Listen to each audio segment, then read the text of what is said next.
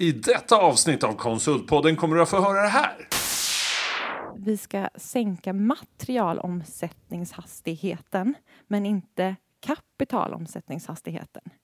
Mm. Ja, men den är nog bra om den får sjunka in lite. Ja. Jag gillar den. För det, det handlar ju inte om att vi inte ska tjäna pengar. Eller att vi... Det är också en fråga hur länge är det ett hållbart system att sälja på en andrahandsmarknad? Säkert i ett annat land där man inte är så noggrann sen när man deponerar det här. Så man flyttar ju problemet bort Mm. ifrån sig, från vårt land till något annat land. Så Det är inte helt hållbart tycker jag, men det är det enda vi har för oss just nu. Det är det vi gör just nu.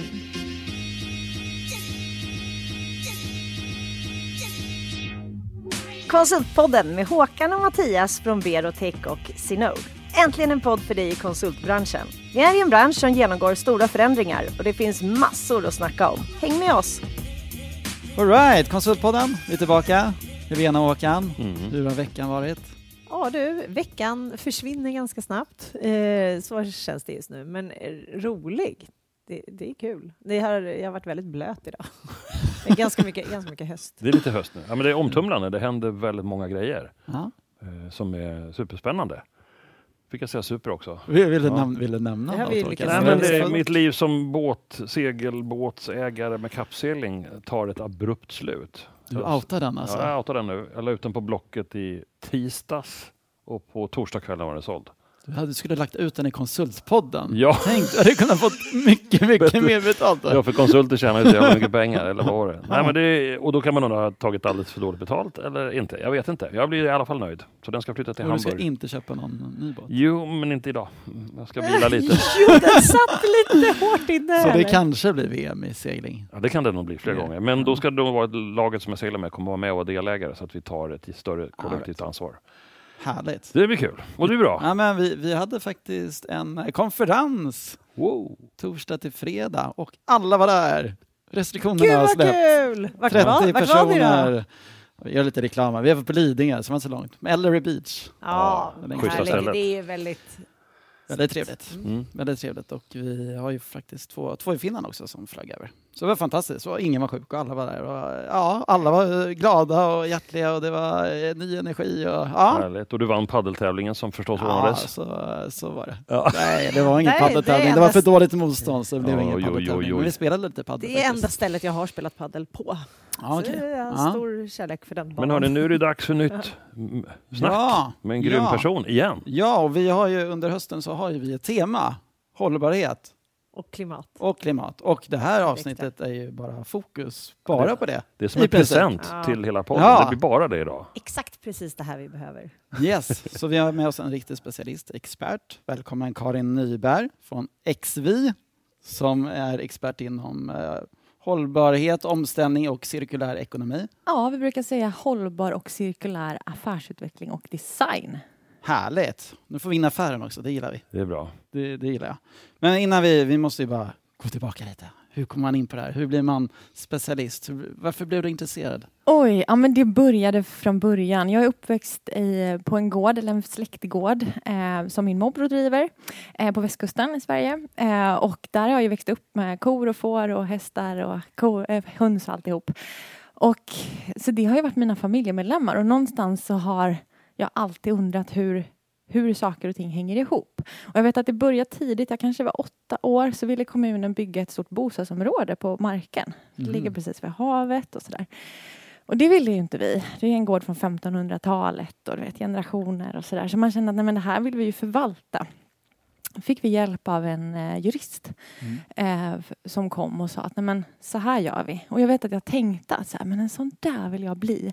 Som vet hur saker och ting hänger ihop och så kan man liksom föra dialog på olika nivåer. Liksom. Så att, ja, men jag kände som jag vill förstå det där med pengar och makt. Pengar och makt började. det började där och den här kärleken till djuren såklart. Um, har nog alltid varit lite av en rumpnisse. Ni vet den här, eh, varför då då? Varför, varför gör vi på detta viset? Ehm, så, så det började tidigt. Ehm, Men hur gick det? ja men det gick Blev det bostäder? eller? Nej, nej, nej. Det finns vi kvar. det. Absolut, Det var därför du absolut. hittade Korna, nya, går, korna nya går kvar i hagarna och fåren och sådär. Så det är väl där jag också hämtar min energi nu när jag har bott i Stockholm de senaste åren. Flyttat tillbaka till Göteborg. Men cyklar ner då, eftersom jag har cykelavstånd nu, ner till fåren och pratar lite med dem och så känner man att ah, nu orkar jag sätta mig och ta tag i taxonomin eller vad det nu kan vara för något. Jättebra. Sen så um, börj, skulle jag börja plugga, för jag bestämde mig för att jag behöver flytta till Stockholm om jag ska förstå det här med pengar och makt. Ja, makten kommer in där, ja. så, eh, så jag stod och valde mellan jurist eller civilekonom. Blev, blev ekonom, för det var det bredaste. Fick en bok av en äldre kompis precis innan jag skulle börja och det var eh, Den stora förnekelsen av Johan Rockström och Anders Wikman. Så sa hon så här, ja men läs den här och sen så ska det bli spännande att se hur mycket du lär dig om hållbarhet nu när du ska gå en utbildning för framtidens beslutsfattare. Så jag läste den boken och jag blev ju helt tagen för helt plötsligt fick jag liksom ett begrepp och språk för, för det jag hade varit mycket intresserad av. Eh, och blev väldigt frustrerad över att utbildningen inte inkluderade de här tankarna alls egentligen. Så att jag vet, det var en finansieringskurs om optimering och tillväxtmodeller så kände jag bara så här, nej men alltså den här forskningen, nej.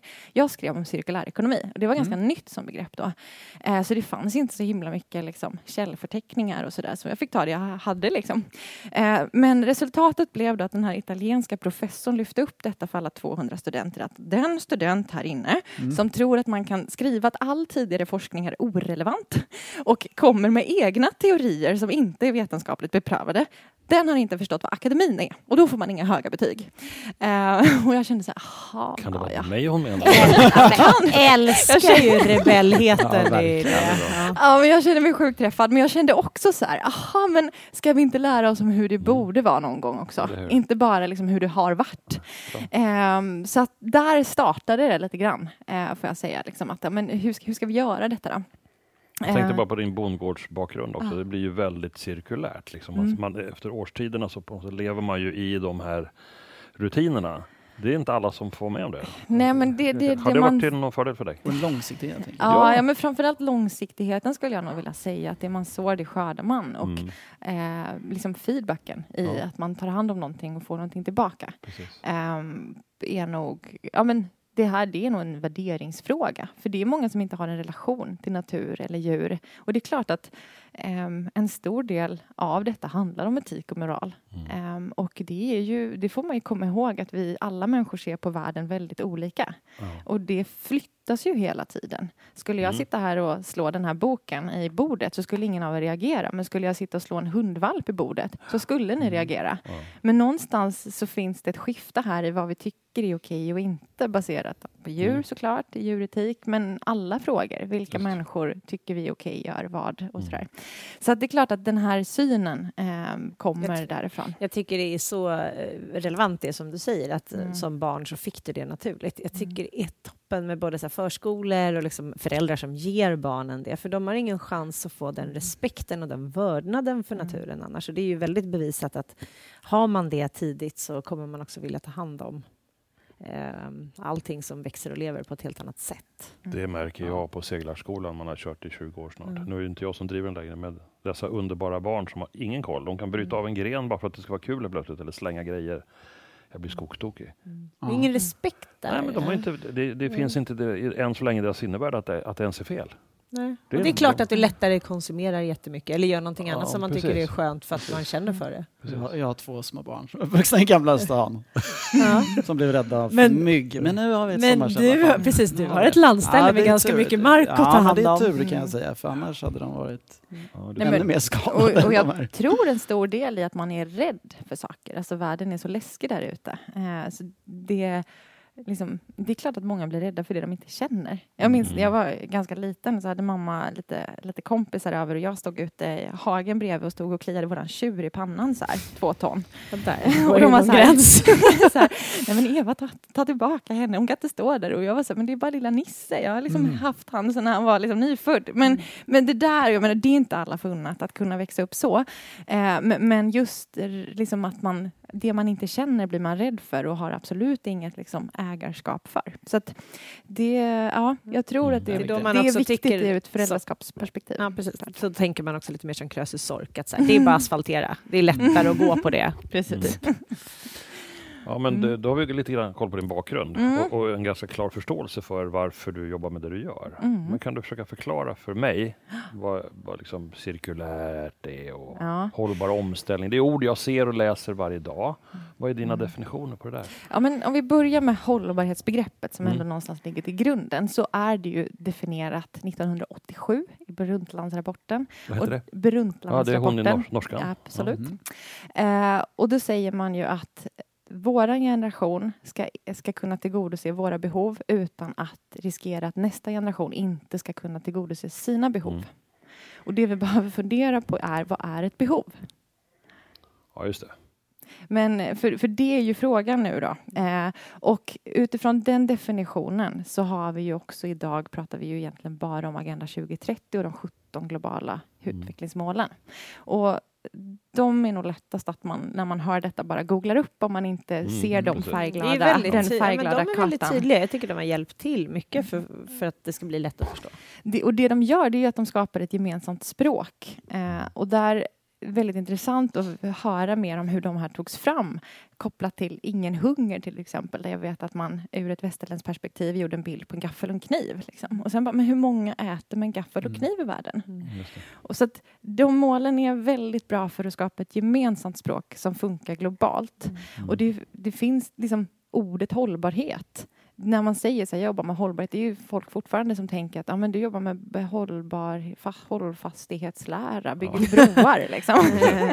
så det är klart att begreppet behöver ju användas, men, men det finns ändå definitioner för det. Och det är ju, man har ju tidigare pratat mycket om det ekonomiska, sociala och ekologiska perspektivet. Mm. Men idag, alltså allt det går så mycket ihop. Eller, Så att man, hållbarhet är ett bättre begrepp och en hållbar omställning är ju, för det är ju, det låter lite dock som att vi ska från något till något helt nytt. Men det är ju snarare liksom en, en våg som hela tiden utvecklas. Eh, men vi vet idag att så vi, så vi lever idag kan vi inte fortsätta och det är till, till ett annat typ av system vi ska till. Och där, tyck, där tycker jag det är så himla viktigt också, det här nya som vi ska till, Mm. det får man ingen stor bild utav, utan man pratar liksom om att man ska lämna någonting mer. Jag tror det kan vara mer lockande att måla upp bilden av den här liksom, nya hållbara världen som vi är på väg till, där, man, där jag verkligen tror att man kan må mycket, mycket bättre. Och eh, ja, men beroende på vilken världsdel man befinner sig i så finns det jättemånga saker att förbättra. Och just där vi är så är det ju mycket liksom, depressioner och liknande. Det kan ju inte vara någonting vi vill vara kvar i. Nej. Då är det ju inte liksom våra resor och våra pengar som har gjort att vi har blivit gladare i alla fall, utan tvärtom. Nej, men man undrar ju det här, den här, ni vet, eh, korslagda arm, armar och som, som säger så här, inte under min livstid. Så här.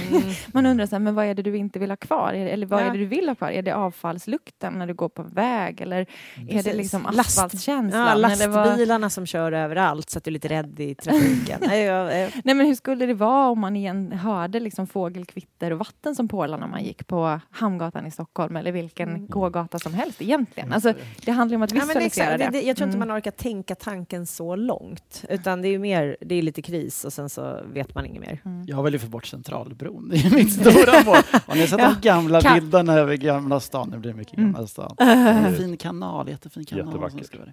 Men ska vi gå tillbaka till cirkulär ekonomi? Ja, för det är ju nästa Yes. del i detta.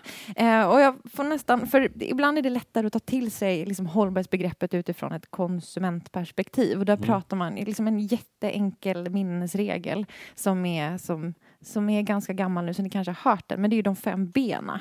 Vi behöver ändra hur vi, liksom, biffen, Mm. hur vi äter och det är såklart att hela livsmedelssystemet behöver ändras i och med det. Eh, bilen, mobilitetsfrågan. Idag pratar vi mycket övergång till elbil men det handlar ju liksom om hur rör vi oss för målet är fortfarande att ta oss från A till B. Det Och behöver även an, att Mm. transportera prylar. Ja, ja precis. Mm. Så att liksom hela transportsektorn står ju inför ett jättestort omställning. Sen har vi bostaden, hur vi bor och hur, hur det är utformat, hur vi får energi till det, kylan i det. Alltså det är ju det är så mycket kring Mm. bara det, bostaden, butiken, hur vi konsumerar. Och där kommer ju nu upp nya delningstjänster och ägandeskapsfrågor. Liksom, hur ser vi på våra prylar? Och vad är det vi faktiskt köper? Och sen banken är den femte B som man brukar prata om. Vad investerar vi våra pengar i? Och Mm. där kan ju alla göra en stor skillnad i att bara eh, placera sina pensionspengar på ett smart sätt. Men så det, om man tänker liksom de här fem benen, det är liksom det den konsumentnära omställningen handlar om. Eh, sen så ska jag bara tillägga att den stora förändringen sker ju i business to business-världen. Där man, det är det som konsumenter aldrig ser. För de kommer aldrig veta om någonting är bra eller inte, utan det är upp till företagen att lösa det. Men, men om man då pratar om cirkulär ekonomi, Mm. så för att lyckas med alla de här fem benen så måste vi göra på nya sätt. Och det är där man tar till principerna för cirkulär ekonomi. Och om man enkelt ska förklara det så får man nästan backa för att vi pratar om system och det är ganska svårt att tänka på för världen är väldigt komplex och vi gillar när världen är komplicerad. Det är liksom ett problem i taget. Så här. Det är så vi har lärt oss att tänka i skolan. Men om vi tänker komplext så är det system. Allting hänger ihop. Världen är byggd på ett system som passar kanske två miljarder människor, inte tio miljarder. Eh, och när vi började använda fossilt material så bröt vi liksom den här kopplingen till naturen. Eh, och vi har lärt oss nu, apropå min finansieringskurs i skolan, så lärde jag ju också att man tar någonting som är gratis utifrån liksom något råmaterial och så förädlar man det i olika steg tills man når ett maxat värde där man säljer det och så används det och sen har det värde noll. Det blir avfall. Cirkulär ekonomi är ju att ta det tillbaka till hur allting annat funkar. Allting i världen är, eller allting i naturen är ju cirkulärt. Den annans död är den den enes död den andras bröd, brukar Ja. man ju säga. Mm. Det kanske är det lättaste sättet Mm. att förstå att ja, men, allt material vi, vi skapar ska ju, vara, liksom, ska ju cirkulera. Ehm, och ibland, om man ska använda kanske ett lite knepigare uttryck så brukar jag säga att vi ska, vi ska sänka materialomsättningshastigheten men inte kapitalomsättningshastigheten. Mm. Ja, men den är nog bra om den får sjunka in lite. Ja. Jag gillar den. För det, det handlar ju inte om att vi inte ska tjäna pengar eller att vi inte ska göra affärer med varann. Men materialet vi använder, det måste vi hantera på ett annat sätt.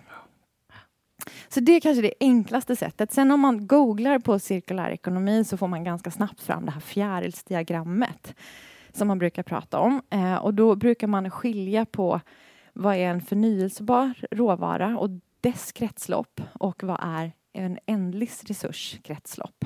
Och det är där man kommer in och pratar om avfallshierarkin. Och det, nu vet jag inte om jag går för långt här. Ja, men, eh, Vad berätta, vad är det då? att jag- Ja. Får jag lägga in Ja, bara för att absolut. ge en tydlig bild? Mm. Houdini, klädmärket, är ju sådana som är väldigt välkända för sitt cirkulära arbetssätt. Mm. Och de har ju gjort så hela tiden att, att plagg som produceras ska ju också återgå till antingen man kan kompostera vissa plagg eller så ska de alltid kunna lämnas in och liksom bli ett nytt plagg. Jag bara tänker att det är ett ganska konkret exempel på Mm. hur Ja. de jobbar med det. Och de säger ju själva också att så här, vi är inte perfekta än, utan vi jobbar på det här, men de har också jobbat med det i 20 år och inte ens de är helt i mål. Så det är en ganska lång resa för alla och just i modeller och så vidare. Mm. Förlåt, nu får du fortsätta. Ah, nej, men, nej, men, för det är så. men om man pratar avfallshierarkin, för det är ju, idag skapas för mycket avfall. Det är det som är det stora problemet. Och det finns ingen plats för ett avfall. Det Nej. finns egentligen ingenting som är ett avfall, utan det är resurser. Och vi pratar inte om begagnade lägenheter, eller, men vi pratar om begagnade kläder. Eh, men, så det är också en mindset som vi har skapat. Det är ingenting som är en naturlag. Liksom. Men avfallshierarkin, det är ju att för det första minimera avfall. Utan vi, det, här, det, det handlar om, apropå att vi jobbar med design, så handlar det om att designa bort avfall från första stund. Eller? Eh, så att avfallsminimering. Eh, och sen så handlar det om återanvändning. Att vi ska använda, men det här kommer ju second hand in, eller delningstjänster, eller kan man köpa något as a service idag? Mm. Det är liksom de tankarna. Eh, och sen har vi materialåtervinningen och då pratar vi, mycket har ju hänt i textilbranschen i Sverige där vi har Resource-projektet som man kan följa om man är intresserad. Eh, men, men där, liksom, hur kan vi ta vara på fibrerna? Eh, så. Och sen så har vi ju antingen så kan du gå till biobränsle eller energiåtervinning. Då. Det är ju liksom, vi eldar ju upp och skapar, skapar värme eller, eh, istället. Och sen har vi sista steget som är deponi. Och där vill vi att ingenting ska hamna. Nej, det, de Alltså, har det- misslyckats om man hamnar där. Ja. egentligen. så det här behöver man jobba med. Men, men när man pratar om cirkulär ekonomi så pratar det är ju många som pratar bara om att vi ska liksom, återvinna eh, och källsortera våra sopor. Liksom. Och det är, inte, alltså, det är klart att det är första steget. Men, men det gäller ju att designa saker och börja konsumera saker på, på nya intressant. sätt. Vad- vad- vad- när du hjälper företag, Mm. vad, vad gör du? Ja, men det är en bra fråga. ja, men de, de, vi, de vi jobbar med, de har ju bestämt sig eh, för att ja, men vi, vi jobbar med ett företag nu som har, har sagt upp ett zero waste-mål. Vi ska inte ha något avfall i vår produktion.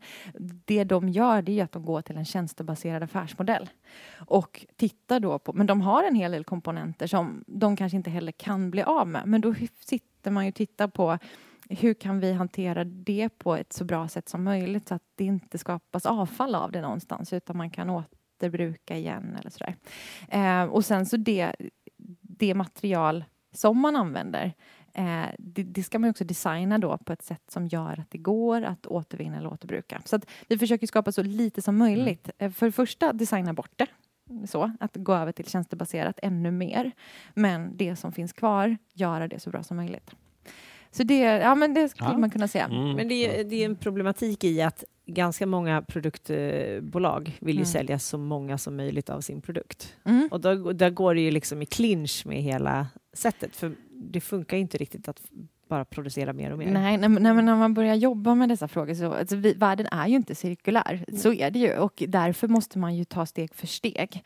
Eh, om, liksom, man måste lära konsumenten eller sina kunder om det är business to business. Eh, och man måste förstå hur man ska sätta upp hela logistiken kring detta. Ta tillbaka material, hur ska det göras? Då kommer man också in i ansvarsfrågor kring vem bär produktansvaret? Vem bär försäkringsansvaret om något händer längs vägen? Eh, så det här är ju, det är ju därför alla behövs. Vi pratade om det lite tidigare. Liksom. Vem, vem jobbar med hållbarhet? Ja, men alla behöver använda sin kompetens för att driva den här omställningen. För även jurister behöver förstå vad, vad blir det svårt? Vem ska betala vem när? Mm. liksom. och, och även eh, men det men det bolagen vinner på att tänka lite mer ur ett cirkulärt perspektiv, det är ju nu när vi ser att faktiskt världen ändrar på sig. Vi, vi, vi pratar mycket liksom om extremväder, apropå hållbarhet och klimat, och så ser vi att det är, det är effekten av vad som händer. Hur får vi tag på våra råvaror? Idag har vi halvledarbrist. Vi vet att leveranstiderna är helt uppåt väggarna. Eh, de bolagen som har större ägandeskap över hela sin kedja och allt material man använder och också äger det och lånar ut det och tar tillbaka det. De kommer ju ha koll på sitt material. Mm. Det material man använder då. Mm. Så det är väl den största vinsten att ha koll på. Det vad kommer bli dyrt framåt? Den frågan är ganska bra att ställa sig nu. Mm. Men affärsutveckling är ju en sak. Man kanske inte ska sälja en produkt. Nej, ja, men exakt. Ja, där tror jag man behöver tänka till i... sådana bitar bara som affär, alltså jobba med affärsmodellen som... Jag vet, oh ja. du, du, kanske det... inte, du kanske inte skulle sätta det i första steget, men, men jo, ändå att men... Det, är, det är någonstans där hela affären behöver sitta och hur mm. man driver beror ju på den. Ja, men många bolag börjar ju med så här, nu ska vi göra en cirkulär produkt. Så ja. ja. Men när man gör en produktbeställning av att designa en produkt mm. så är ju det ett resultat av vad man har kommit fram till i affärsutvecklingen. Och affärsutvecklingen är ju i sin tur ett resultat av vilka strategiska beslut man har tagit i styrelse och ledningsgrupp och liksom på mm. strategin. Så att det här hänger ju ihop. Så att, och därför får man ju prata, idag pratar vi mycket om, ja, men det här är en konsultpodd så jag antar att mm. alla känner till det agila arbetssättet och hur man ska mm. jobba snabbare. Det här är ju loopar som går och det spelar egentligen ingen roll om det är liksom styrelse som kommer fram till att nej, men nu ska vi bli ett hållbart bolag och jobba med cirkulärt och sen så ska man få ner det i alla delar av organisationen eller om det kommer underifrån att man kommer på en bra idé och så ska man få det att funka. Det måste liksom gå i många iterationer eh, mm. fram och tillbaka, upp och ner i bolaget för att liksom sakta men säkert ta steg för steg. Kan, kan, man hjälpa företag som redan, alltså nu pratar du om mm. nydesignade produkter och mm. tjänster, mm. men vi har ju sjukt mycket mm. redan etablerade system och lösningar och produkter som står överallt. Mm. Är vi då i den här deponilådan och slänger dem, eller vad, vad tänker du där? Kan man göra någonting med det som redan är klart och inte jävligt bra gjort? Mm. För det, bara, det räcker att åka till återvinningscentralen på söndag. Mm. Gör det på söndag som studiebesök för att se var folk slänger saker. Mm. Hela grejer åker iväg. Alla ska byta kök bara för att jag vill ha ett eget nytt kök. Och, det där blir man ju ja. tokig på. Jag tror att Stockholms Stadsmission får in 45 ton kläder i veckan. Men nu lät den siffran väldigt stor. Men nej, men det, jag, jag vågar inte alltså, uttala mig om nej, siffran, men det nej, är otroligt mycket. Mm. Brutala mängder. Ingen kommer köpa alla de schyssta kläderna, eh, för det är för mycket. Mm. Nej, men och där får man ju också se det lite vart vi är nu och vart vi ska. Mm. Nu är det kanske som sämst, får vi hoppas. Ja. För vi har precis blivit väldigt, väldigt medvetna. Eh, och det är klart att vi kommer hitta sätt att ta tillvara på textil fibrerna. Mm. Och där hittar man ju, där har det varit ett jättestort problem att hur ska man separera för att apropå design så skapar man ju kläder med många olika typer av fibrer så att det är svårt att separera dem och skapa någonting nytt. Men det vet vi idag, så förhoppningsvis så tänker man jättesnabbt och så Och redan i, slutar man design, göra det. redan i Så designprocessen. det, ja, men, det, men det som redan finns blir ju mycket liksom, ehm, ja, men, eh, vad ska man säga, eh, isoleringsmaterial och sådana saker. Så man Precis. använder ju textilfibrer Ja. om man tar det. Men om man pratar om produkter, apropå liksom, Mm. eh, kylskåp och liknande, det finns ju alltid en andrahandsmarknad för allting. Alla datorer vi använder, det är så. Mm. Men det är också en fråga, hur länge är det ett hållbart system att sälja på en andrahandsmarknad? Säkert i ett annat land där man inte är så noggrann sen när man deponerar det här. Så man flyttar ju problemet bort Mm. ifrån sig, från vårt land till något annat land. Så Det är inte helt hållbart tycker jag, men det är det enda vi har för oss just nu. Det är det vi gör just nu. Men jag som är i båtsvängen ibland, Mm. nu, förr byggde man båtar med glasfiber och Mm. hertz, nu gör man dem med textilfiber. Mm. Så det, det händer ju långsamt men Det eh, händer sakta. överallt. Och det är det man, för ibland kan man bli lite trött. Apropå på hållbarhet så kan man också komma in på liksom engagemangsfrågan och hur man ska orka. Men man, det är så många nu som försöker på sina spår liksom, jobba med detta. Så att eh, många bäckar små kommer jag, skapa jag tror man också floden. förstår att man behöver göra det. Man är uträknad annars som Mm. bolag. Får jag fråga en sak apropå engagemang? Jag tycker att det är väldigt tydligt att det är kvinnor som ofta driver de projekten. Även så här hemma i familjen så är det ofta tjejen. Det här finns det liksom studier på Mm. som liksom eh, föredrar att familjen ska äta mer vegetariskt eller vad det nu kan vara, Mm. inte flyga. Hur gör man för att få in männen lika mycket i frågan? Ja, men jag tror det har handlat om en, det är en kommunikationsfråga. Eh, det har, vi kommer från att ha pratat om hållbarhet på ett sätt som är så här, rädda isbjörnen. Eh, och den kommunikationen har funkat bättre på kvinnor, rent krasst. Men liksom, hållbarhet handlar inte längre om åsikter och engagemang och känslor, utan det är ju en... så här, det är hard facts och det är en business eh, Ja. överlevnads... Så, så, det, så det, jag håller med om att så har det varit, Mm. för så är det rent Mm. statistiskt. Mm. Så. Men, men det håller också på att suddas ut. Ehm, för att det är liksom när man pratar mer om teknikskiftet och hur man kan göra saker smartare och där har ju liksom digitaliseringen drivit på att man så här, hur ska vi hur ska vi göra det här på det mest optimala sättet? Så kanske det finns en fråga som ligger närmare till hands. Så apropå Mm. båtar, hur ska vi få båtar att bli liksom på det bäst hållbara sättet och hur ska vi... eh, så så jag tror att det har varit, det är en ren kommunikationsfråga men, men, och det ändras men det tar ju tid. Nu är ju Konsultpodden som du var inne Mm. Vad kan konsultföretagen göra? Hur ska, hur ska en ledningsgrupp i konsultföretag Ja. Ja, men som konsult så är, kommer man ju ut i bolag. Det är ju där man gör sin största skillnad. Så frågan är vad är det man gör ute Mm. hos bolagen? Eh, det är där den stora påverkan ligger. Vad är det för projekt man driver? Vad leder de till? Ställer man frågan? På Cartina där jag jobbade förut eh, så sa vi att eh, cash is no king without a sustainability queen.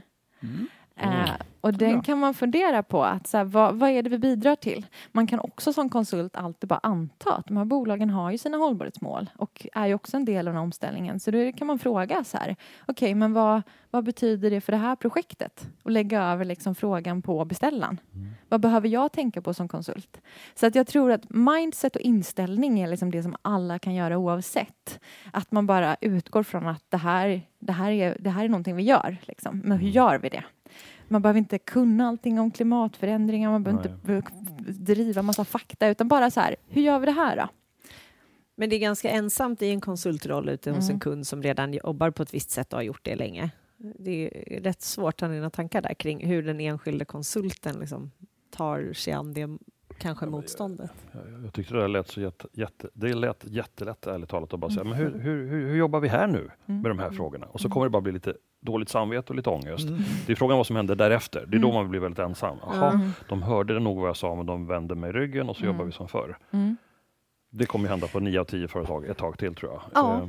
Ja, men, och där, och men som konsultens roll är ju att komma, komma med utifrån perspektivet och komma med omvärldsspaningen. Och Mm. där kan man, tror jag också att liksom inställningen till det själv, att man, det gör jättestor skillnad när man kommer in så här, ah, ja, nej, men det där bryr inte jag mig om, ja, det, det, så här. Utan istället bara, nej men jag jobbar med så många olika bolag och det händer grejer, ni måste vara med på det. Eller liksom, jag såg att det här hände någon annanstans. Alltså, det här mun till mun metoden är ganska effektiv. jag, jag, har, jag har svaret. Nobelprisvarning nu. Vi ser till att alla lyssnar på det här avsnittet. Varje konsult tar med sig det här avsnittet ut på nästa projektmöte och så kan man reflektera efteråt. Mm. Varför inte?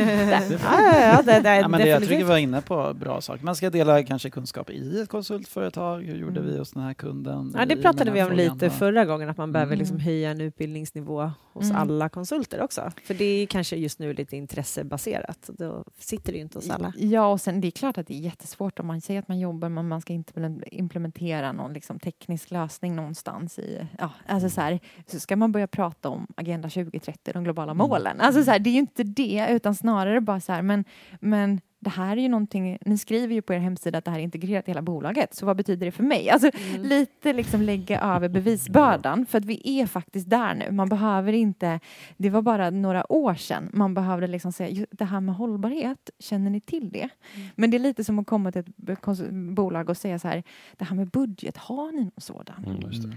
Alltså, det, Ska har man börja säga tacka nej till eh, uppdrag? Det är en svår fråga. För det, jag vet, alltså det diskuteras jättemycket nu och jag hamnar ofta i de diskussionerna med andra som liksom vill... eh, För det var något produktutvecklingsbolag som skulle utveckla något. Var så här, men behövs den här produkten? Alltså vad, varför ska vi ha den här? Vad leder det till? Och de kände så här, men det här, vi vill inte använda våran specialistkunskap att utveckla en produkt som vi inte ser har ett värde Som för någon. världen inte behöver. Ja, men det var verkligen så här, men det, det var ett ganska liksom specifikt fall där det var så här, alltså, nej, men vi, när, vi har, när vi kan välja på kunder så vill vi lägga vår tankekraft någon annanstans. Så. Eh, men det är inte alltid man har den, eh, kan det. Och det är inte alltid det är superrelevant heller. Liksom, att det har någon, så att jag tycker den är svår för att det handlar ju om, vem, liksom, man kan inte heller dra för skarpa gränser för vi behöver ju ställa om allt. Mm. Liksom Mm. så.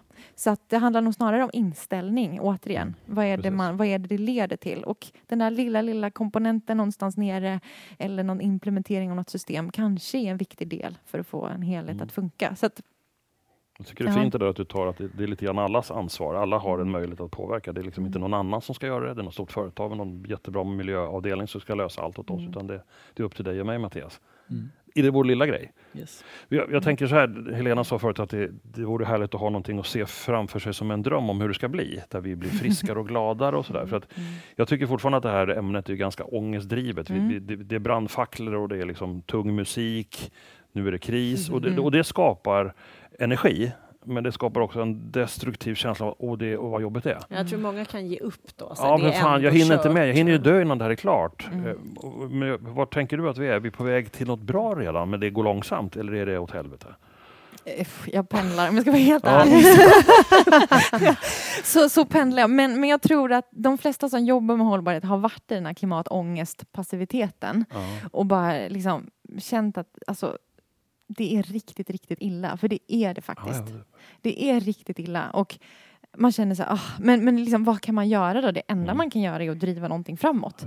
Det- Eh, så att jag tror att ju mer man läser desto mindre lämnar man klimatångesten också. För att det, Det blir, skapar akti- det ingenting. blir aktivitet istället Ja, för bara energi. men- Man men- ser också många sjukt bra exempel på saker som Mm. händer. Ja, och, det, och det, alltså, tekn- innovationerna finns ju där. De är bara inte uppskalade än. De Nej. används Nej, det inte är än. precis det som är problemet. Vi kan lita på tekniken men den är redan, ingenjörerna har gjort sitt jobb så att säga. Och så Mm. nu behöver den ut Mm. större, mer. Jag, såg säljas. det. jag delade med mig av den här Gretas tal. Vad var hon nu förra veckan? Bla bla bla-talet. Ja. Ja, alltså från att lilla Greta var lilla Greta här utanför, återigen Mm. i Gamla stan då, Mm.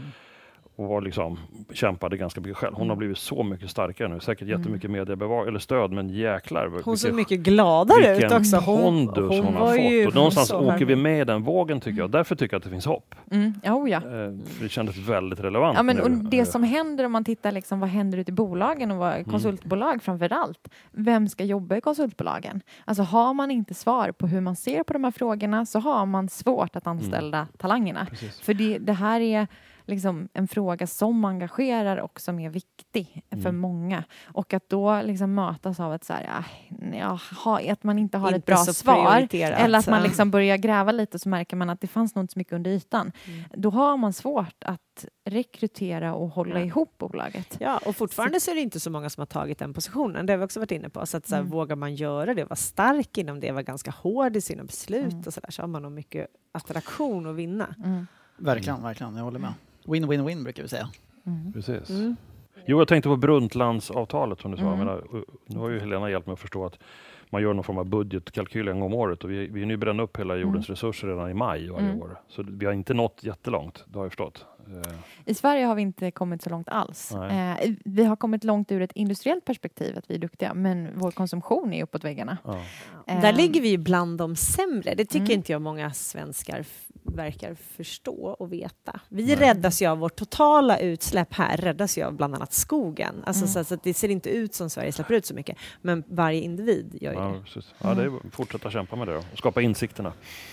Ja, ja, men Ja. Det, finns, det finns väldigt mycket att göra och det händer mycket. Eh, och eh, vi är på väg. Och som Mm. sagt, det, Jag tänker att det behövs ganska hårda politiska beslut och ledare som liksom inte spelar det här bakåt som vissa stora liksom, världspersoner gör. Mm. Ehm, det tror jag skulle vara välkommet. Alltså tänker till politikerna. Precis. ja, jag känner en ganska stor tillförlit i att, att det är så många som vill och att naturen är också på vår sida här. Alltså se på bränder, se på alla översvämningar. Det, liksom, det kommer närmare så att snart så Mm. blir det liksom en självklarhet också. Mm. Oerhört intressant. Och vi röstar med plånboken och vi eh, röstar och försöker få in talanger. Så det, det tror jag mycket på. Ja. Drivkrafter också. Ja, Vad tar vi med oss den här Nej gången? men då? vänta stopp ett tag. Vi, Vi har ju en jättegrej kvar. vi kommer inte gå in på klimattemat specifikt men vi har Mattias spaning. ja nej, men vi, yes, trend. Trendspaningen. Trendspaning med Mattias. Eh, ja, vi, vi går tillbaka. Vi har säkert pratat om det här förut. Men eh, vi har en lite förändrad syn kanske på arbete nu. Mm. Synen på arbete var kanske något man gick till förut. Nu är det något man gör. Det börjar bli mer och mer. Nu har restriktionerna släppts Mm. och vi får ju de här arbetsplatserna. Vad är en ar ett arbete? Hybridkontoren och så vidare. Eh, och det kom en intressant undersökning eh, LinkedIn gjorde. 23 procent eh, skulle sluta om, eh, om företagen säger att man måste komma tillbaka till kontoret fulltid. Oj, 23 Wow. procent. Så är frågan vad, vad konsultbolagen gör. Det, det finns lite, lite nyhet, nyheter om det här också och jag tror att konsultbolagen sitter ju oftast hos vad kunden gör egentligen. Eh, men eh, det finns de som är väldigt så här, Sweco pratar om att vi, vi kommer ha, fortsätta ha distansarbete. Eh, Nexer pratar mycket om, jag tycker de pratar om en, ett, ett nytt begrepp som inte jag har hört förut, reboarding. Det är, Ja, det, det, är det nya. Ja, läste det. Reboarding. Så att man nu försöker man, Lär dig vara på jobbet igen. Ja, men nu liksom, det blir en onboarding igen. Det är ju reboarding. typ sätt på Mm. dig byxor. Alltså, är tillsammans. basic. Ja. Eh, och Thorens var lite mer så, ja, men två till tre dagar i veckan. Hur, hur tror ni att eh, konsulten, arbetet kommer förändras? Jag hoppas ju att kunderna låter konsulterna göra lite mer som de vill. Men där tror jag ju också att det geografiska kommer påverka så mycket. För jag tror man har hunnit ta in konsulter på annan ort Mm. nu under tiden, för det har inte varit så viktigt. Eh, så då kanske man låter det fortsatt vara så att konsulten får sitta någon annanstans. Sparar massa restid eller liksom veckopendling eller vad det nu kan vara. Så där, där, jag hoppas ju på en schysst... Och det här kanske är lite Mm. hållbarhet också, Mm. om vi kommer in på det. Det, tycker, ja, men det tycker jag, Mm. beteendena under corona har ju varit mer hållbara. För det är ju inte bara i resvägar utan i vad folk har valt att göra på sin lunch och sådär som har Mm. varit ute mer. Och det har varit En kö, flexibilitet. kö uppe i fjällen på olika vandringsleder och så vidare. Men, eh, nej, men jag, jag tror att det blir mer flexibelt. Jag, har, jag vet också flera arbetsgivare som mer eller mindre tvingar sin personal tillbaka och det känns extremt oattraktivt och jag tror att de kommer förlora på det. Det tror jag också. Den tror jag blir. Jag tror ledarskapet hos våra kunder har ju tvingats förändras för de vill ju fortsätta utveckla sina galna häftiga grejer men det gick inte att ha dem på plats Mm. på grund av covid. Eh, och då kräver ett nytt ledarskap och en ny tillit till, till oavsett om de är personal eller konsulter. Så jag tror man kommer, för att hitta de bästa talangerna så kommer man behöva jobba fortsättningsvis så. Om man vill fortsätta vara on the edge som leverantör av någon pryl eller någonting så. Verkligen. Och nu har vi kompetensbrist igen. så Den andra änden är att vi mår ju så gött att få träffas. Så det finns, det finns en hållbarhet i att faktiskt få umgås. Eh, Det, vi värdesätter de mötena mycket, mycket mer. Så det är inte bara digitalt tror jag, utan vi kommer det, välja. jag tror, det tror jag är få som vill ha Vi är ändå flockdjur. Det blir dötråkigt att sitta själv hela tiden. Jag tror att vi kommer lära oss hantera vår tid mycket bättre. Alltså nu, nu är det lite kaos överallt. Alla vill ses och nu ska man tillbaka. Men sen kommer vi inse att det är jättetråkigt att vara på kontoret och alla sitter i Teamsmöten. Mm. Så att, så att liksom, tack den dag de tar fram den tjänsten så att man kan liksom enkelt organisera hela kontoret. Att nu har alla Teamsmöten och nu har vi den här typen av möten och nu gör vi så här. För att jag tror den här livsstilen som nu börjar liksom etablera sig. Jag tror ingen vill gå tillbaka. Eller det är så lätt att tänka tillbaka men det är återigen som hållbart. Vi är, det går aldrig tillbaka utan det går bara framåt. Så att Mm. jag tror att det är lite kaos nu men vi kommer hitta någonting mycket bättre framöver. Mm. Skönt. Ja, men det, är bra. det är en del av bilden i den här framtidsvisionen som vi Mm. inte riktigt har. Men då är ju arbetet såklart en jätteviktig eh, nod. Ja, men och den blir ju ja, men flexibel och schysst då, tänker Mm. jag. Det svåra kanske är vad som är arbete och vad som är fritid som kan bli ännu svårare. Ja, det är ju tråkigt när när, det- man har suttit vid samma bord eller i soffan liksom, Mm. under Men hela jag tror året. även Men det, där att det utvecklas. Alltså nu, den hållbara staden pratar vi om och sen så landsbygden. Men nu kommer kanske den här skiljelinjen mellan landsbygd och stad suddas ut för Mm. att vi skulle behöva bo i hela Sverige. det vi skulle vara häftigt behöva... om urbaniseringen fick en liten paus eller, att, eller liksom ett hack Jag gillar för sig sin den kurva. 15 minuter i staden. Mm. Ja, för Paris. Ja. Ja. Mm. Jag gillar den Nej, men och den skulle man kunna skapa Ja. på så många fler ställen Yes. där man kan leva det här livet eh, som man Mm. skulle vilja leva. Så att jag Tänk tror den att här, det kommer. det var en jättespännande tanke som får upp i mitt huvud. Jag vet inte om ni tycker det, men vi har ju kämpat jättemycket för att bygga världens dyraste järnväg för att Mm. vi ska kunna åka från Eskilstuna och jobba i Stockholm. Vi lägger ner miljarder av kronor för det. Men alla de här kommunerna nu som kanske kan behålla sin, Mm. sin, sin folkgrupp ändå och få skatteintäkter lokalt. Vilken jävla flipp, Ja, Mm. intressant. eh, förmodligen. Mm. Mm. Men och vad händer med resten av det samhället när det börjar öppnas lunchrestauranger och liksom Lilla budfirman som cyklar runt, helt plötsligt får ett jobb och sådär. Mm. Ja, istället för döda sovstäder. För det är lätt att prata bara klimat, men ska vi lyckas liksom, så behöver ju även hela samhället och det sociala följa med. Om, vi ska, inte- jag ska inte gå in på det, men det finns en jättehäftigt litet samhälle i Skåne som heter Röstånga. Det kan ni googla om ni vill. De har gjort så här fantastiskt så här regenerativt eh, byarbete för att få tillbaks allt som är kul i, på platsen där man bor. Tips! Häftigt.